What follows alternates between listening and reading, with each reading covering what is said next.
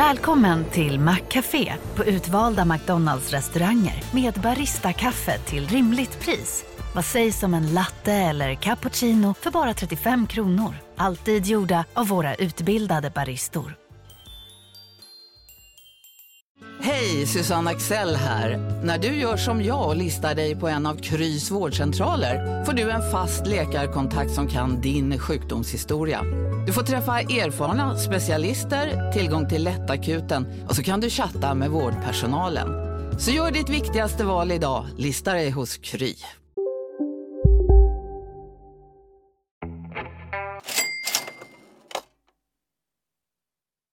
Kapitalet sponsras av SPP och Storebrand Asset Management. Eh, Storebrand och SPP hör ju ihop sedan många år och utan att gå in på några detaljer här och nu så kan vi i alla fall säga att eh, Storebrand förvaltar över 1200 miljarder kronor bland annat åt just SPP.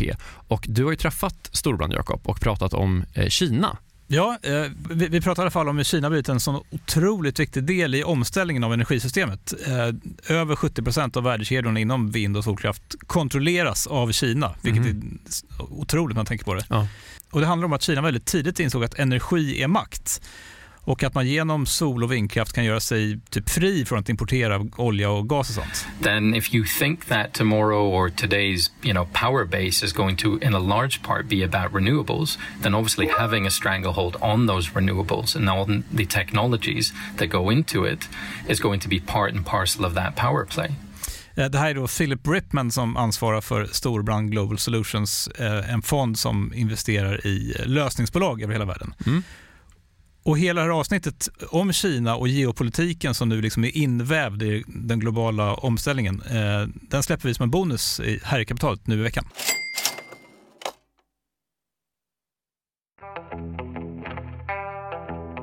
Från Monopol Media, det här är Kapitalet med mig Gunnar Harjus. Och med mig Jakob Bursell. Du, vi har ju haft den eh, näst största bankkraschen i amerikansk historia. Mm. USAs 16 största bank har kraschat. Eh, sen så har två banker till hamnat i trubbel. Jag tänker att vi behöver väl inte göra det så himla svårt här Jakob, utan eh, vi går väl igenom vad som har hänt, hur det kunde hända och vad som händer nu och eh, om vi alla är körda. Vad har hänt med ambitionerna? Verkligen. Ja, men vi reder ut en potentiell finanskris och vad som orsakar den och vad som den kan leda till. Jag tycker det är helt okej ambitioner faktiskt. Mm. Jag ska också säga att vi håller på att flytta så att om ljudet är lite off eh, så är det som det är helt enkelt. Eh, hur som helst, vi ska inte göra det helt ensamma utan vi ska göra det med Joakim Rönning. Jag heter Joakim Rönning. Jag är utrikeschef på Nyhetsbyrån Direkt. Joakim Rönning har också podden For the Money där han pratar om makt och storfinans och eh, om vi bara ska börja med vad som faktiskt hände, Jakob. Ja, men eh, vi kan börja med att säga att Silicon Valley Bank då, det är en bank, eh, den ligger i Silicon Valley och där alla sådana här techbolag från Silicon Valley satte in sina pengar som de fick av typ riskkapitalbolag. Precis, så att, eh, har du ett, ett startupbolag som fått 100 miljoner dollar av en investerare med sneakers då är det liksom 99% sannolikhet att du har satt in dina pengar där. Exakt, och, och bilden man får är att i princip alla eh, startupbolag i, i San Francisco med omnejd har använt den här banken. Precis, och det är ju inte så himla få heller. Nej. Det är ju många. Eh, och det här är väl egentligen steg ett i vad som orsakat den här krisen. Eh, de senaste åren så har vi haft väldigt, väldigt låga räntor och det har då lett till att bolag har haft råd att inte göra vinst under väldigt lång tid. Eh, för att de har helt enkelt kunnat låna pengar gratis eller ännu hellre ta emot pengar från investerare i sneakers. Mm. Det här har gjort att insättningarna i Silicon Valley Bank har ökat från 62 eh, miljarder dollar 2019 till eh, drygt 200 miljarder dollar 2022.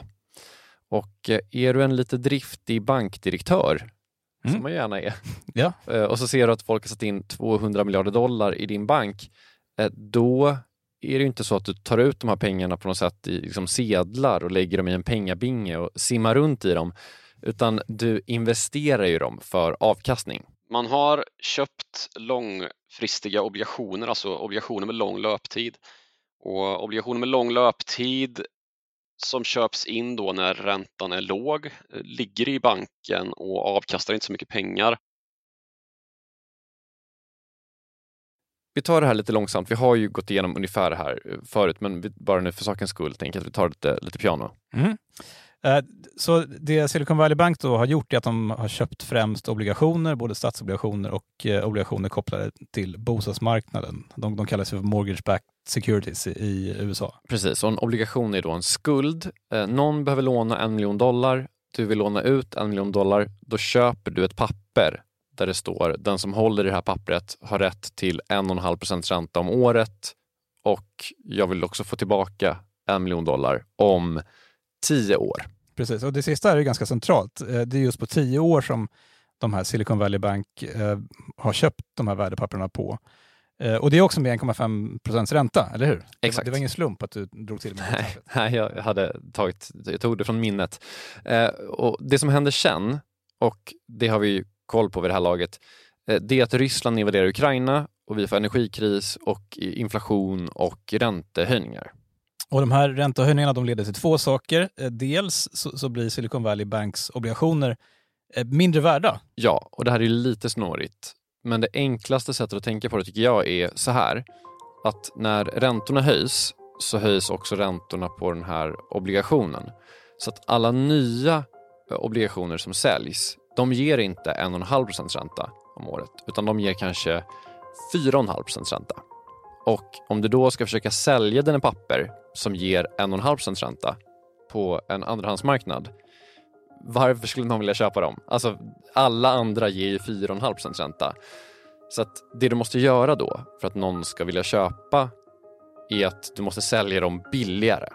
Så att, för att vara superkonkret då, så hade Silicon Valley Bank hade 91 miljarder dollar i eh, sådana här securities och nu var de plötsligt bara värda 76 miljarder. Just det, och det är ju enorma pengar det handlar om. Ja. Eh, ska man liksom göra en sån här klassisk eh, analogi, journalistanalogi, så, så är det ju två svenska försvarsbudgetar i, i, i förluster.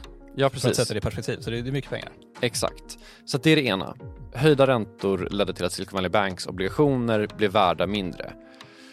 Men alltså, grejen är att det här behöver typ inte vara ett så stort problem eh, för att man kan ju faktiskt bara vänta i tio år och låta den här obligationen löpa ut och sen så får man då tillbaka sina pengar.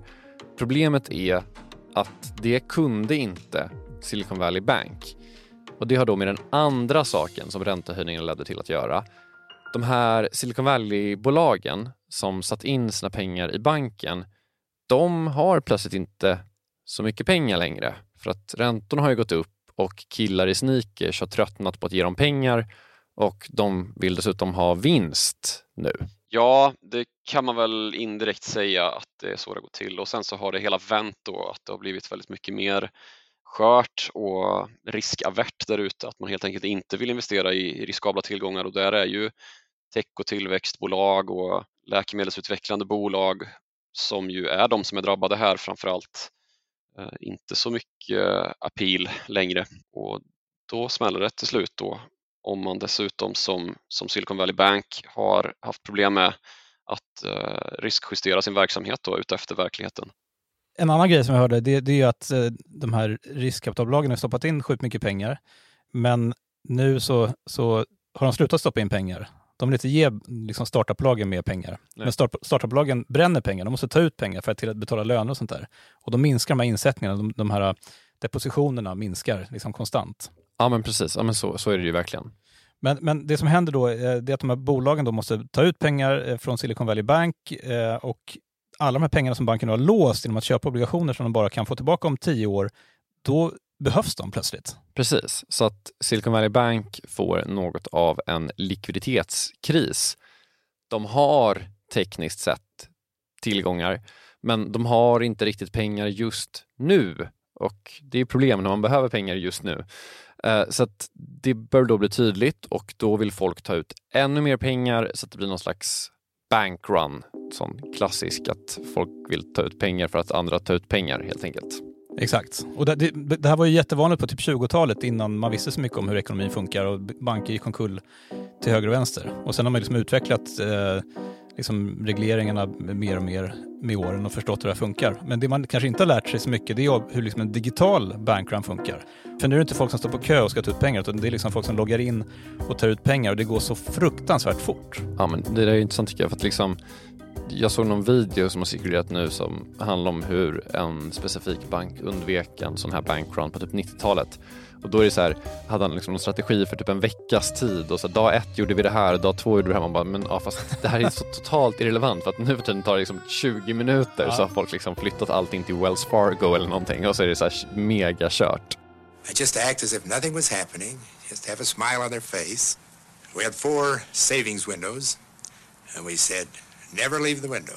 Men det finns faktiskt några saker som banken kan göra just nu. Eh, man kan sälja de här obligationerna till förlust. Man kan också resa kapital genom att be om pengar från aktieägarna och så kan man också sälja hela bolaget.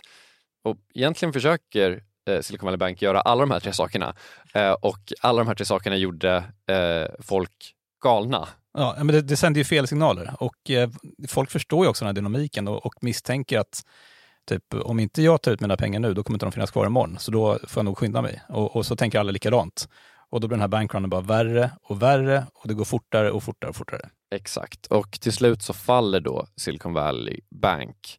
Och eh, det här har då lett till att folk är oroliga för en liksom större finanskris och eh, andra banker har eh, också fått problem. Och det här sista, det undrade jag lite om. Så här, typ, hur, varför har det här lett till att andra banker också fått eh, problem? Hur, liksom, hur kommer det sig?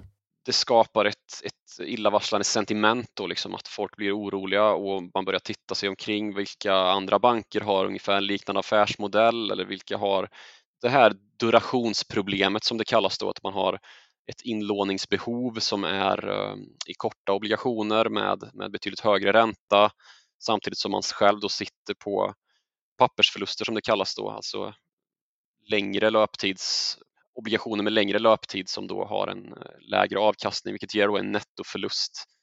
Och då hittar man ju ganska lätt ett flertal sådana banker som, som har just det problemet. Och där har vi ju bland annat då Signature Bank som blir den andra att falla och sen så finns det ju en lång rad med sådana här nischbanker och regionala banker som, som inte är de allra största då, men eh, där det finns dylika problem.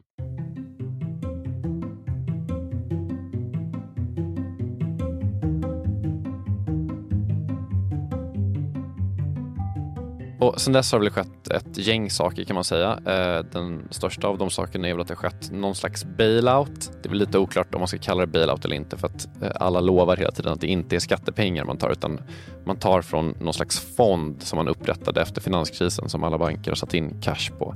Jo, men liksom sinnebilden med bailout är att aktieägarna får behålla sina pengar, men, men det får de inte här. Utan de som, de som ägde Silicon Valley Bank, de förmo får förmodligen inte tillbaka någonting. Men det är de som har satt in pengar och trott att de pengarna är säkra som får tillbaka sina pengar. Precis, så man kan väl säga att amerikanska staten i form av finansministern och amerikanska finansinspektionen har gått in och säger att man kommer höja insättningsgarantin så att alla som har pengar i banken kommer få tillbaka dem oavsett hur mycket det är. Eh, liksom allt för att stoppa raset. Och eh, nu då på tisdag eftermiddag när vi spelar in det här eh, så verkar det som att det ändå gått ganska bra. Typ marknaden har lugnat ner sig lite grann i alla fall. Eh, däremot så finns det ganska många frågor som är kvar att besvara tycker jag och en av dem är ju lite så att vi har ju höjt räntorna nu men liksom, historiskt så är de inte på några så här chocknivåer Nej, direkt. Så här. Och uppenbarligen är det ju så då att det ändå finns förhållandevis stora aktörer som inte klarar av det här ändå. Men räntehöjningen är liksom centralbankernas enda vapen mot inflation. Men liksom, om man höjer räntan, alltså vi kan inte hålla på att ta över tre banker i veckan för att vi har höjt räntan lite grann. Alltså det är, någonstans så känns det som, tycker jag, som att centralbankerna är lite i en rävsax där man måste välja mellan finanskriser eller inflation. Antingen höjer man räntan, finanskris, eller så höjer man inte räntan, inflation. Ja, men sen så finns det ju rörliga delar i det här också liksom, som vi inte riktigt vet så mycket om. Alltså, vi får ju hoppas att räntehöjningarna som har gjorts hittills bara inte riktigt har bitit ännu. Att det finns en effekt att hämta som dröjer, liksom, som låter vänta på sig.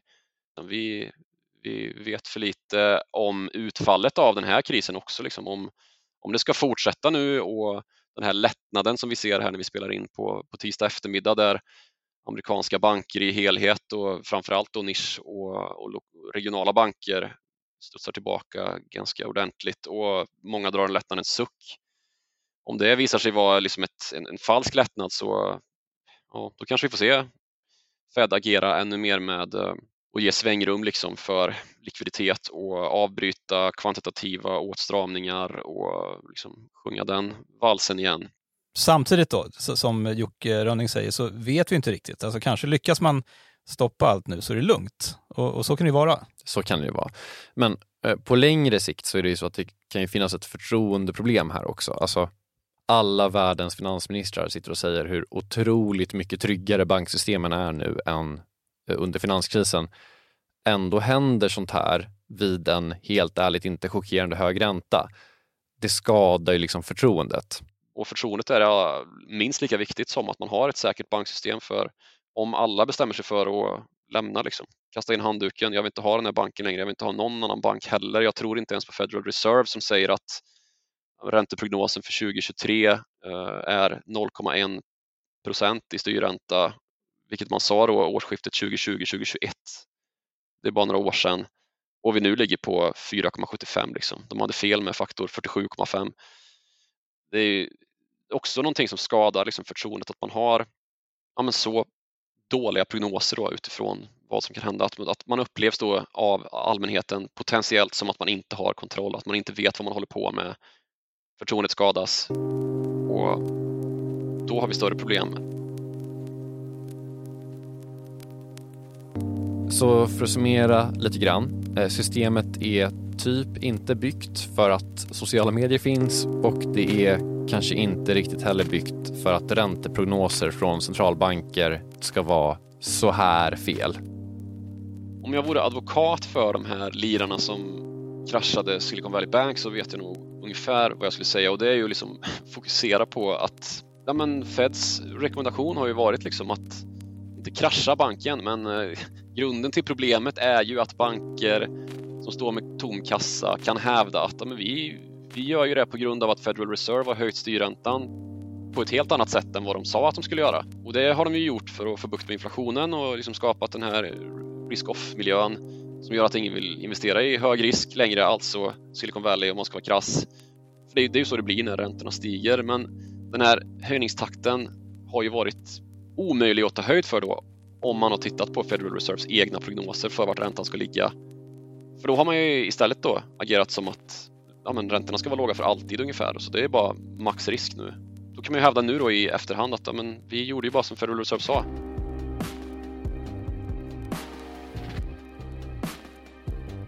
Men om man inte gör en bailout av investerarna och de som har tagit risk, alltså ledningen i, i bankerna per se, liksom, så är det ju ändå några som blir räddade och det är ju andra ganska risktagande figurer som Eh, ja, men riskkapitalbolag i Silicon Valley får ju sina, eh, sina medel täckta liksom, och sina, sitt risktagande täckt. De kanske borde ha ett ansvar på sig och liksom se över sin likviditetsstrategi bättre än att parkera så mycket kapital i eh, Silicon Valley Bank då, kan man ju resonera. Eh, jag är väl chockad om vi inte kommer tillbaka till det här i, i något läge. Eh, tills dess så har det här varit Kapitalet med mig Gunnar Harjus och dig Jakob Bursell. Eh, vi hörs igen på måndag. Hej då! Hej!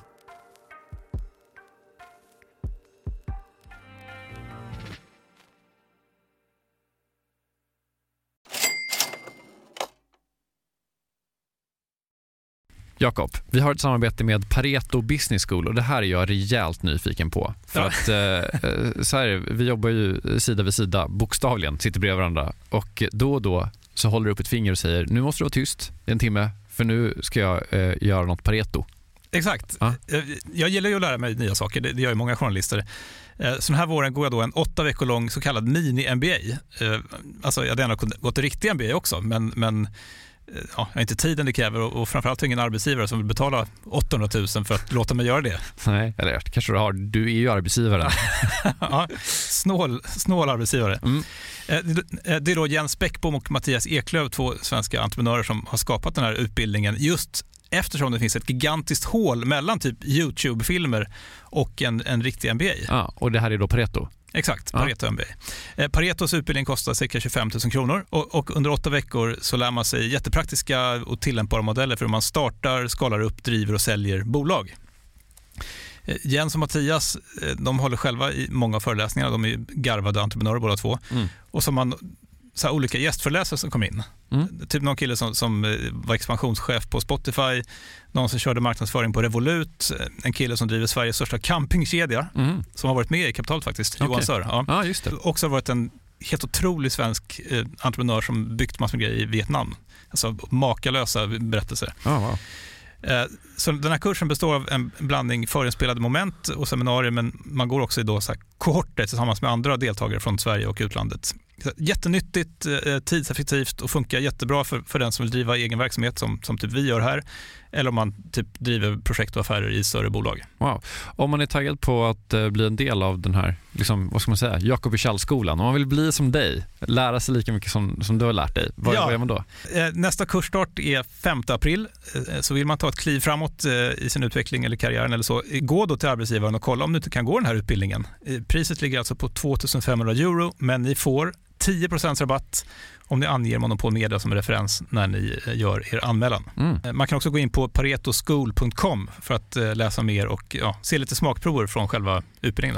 Då. Mm. Så att eh, man sparar jättemycket pengar för att gå Handels MBA och man sparar ytterligare pengar om man tar del av eh, Monopol Media-erbjudandet. Ja, exakt. Ja, en no-brainer som vanligt, Plus att man blir ju eh, alumnkollega med mig då. verkligen. Så stort, stort tack till eh, Pareto Business School och eh, gå in på paretoschool.com.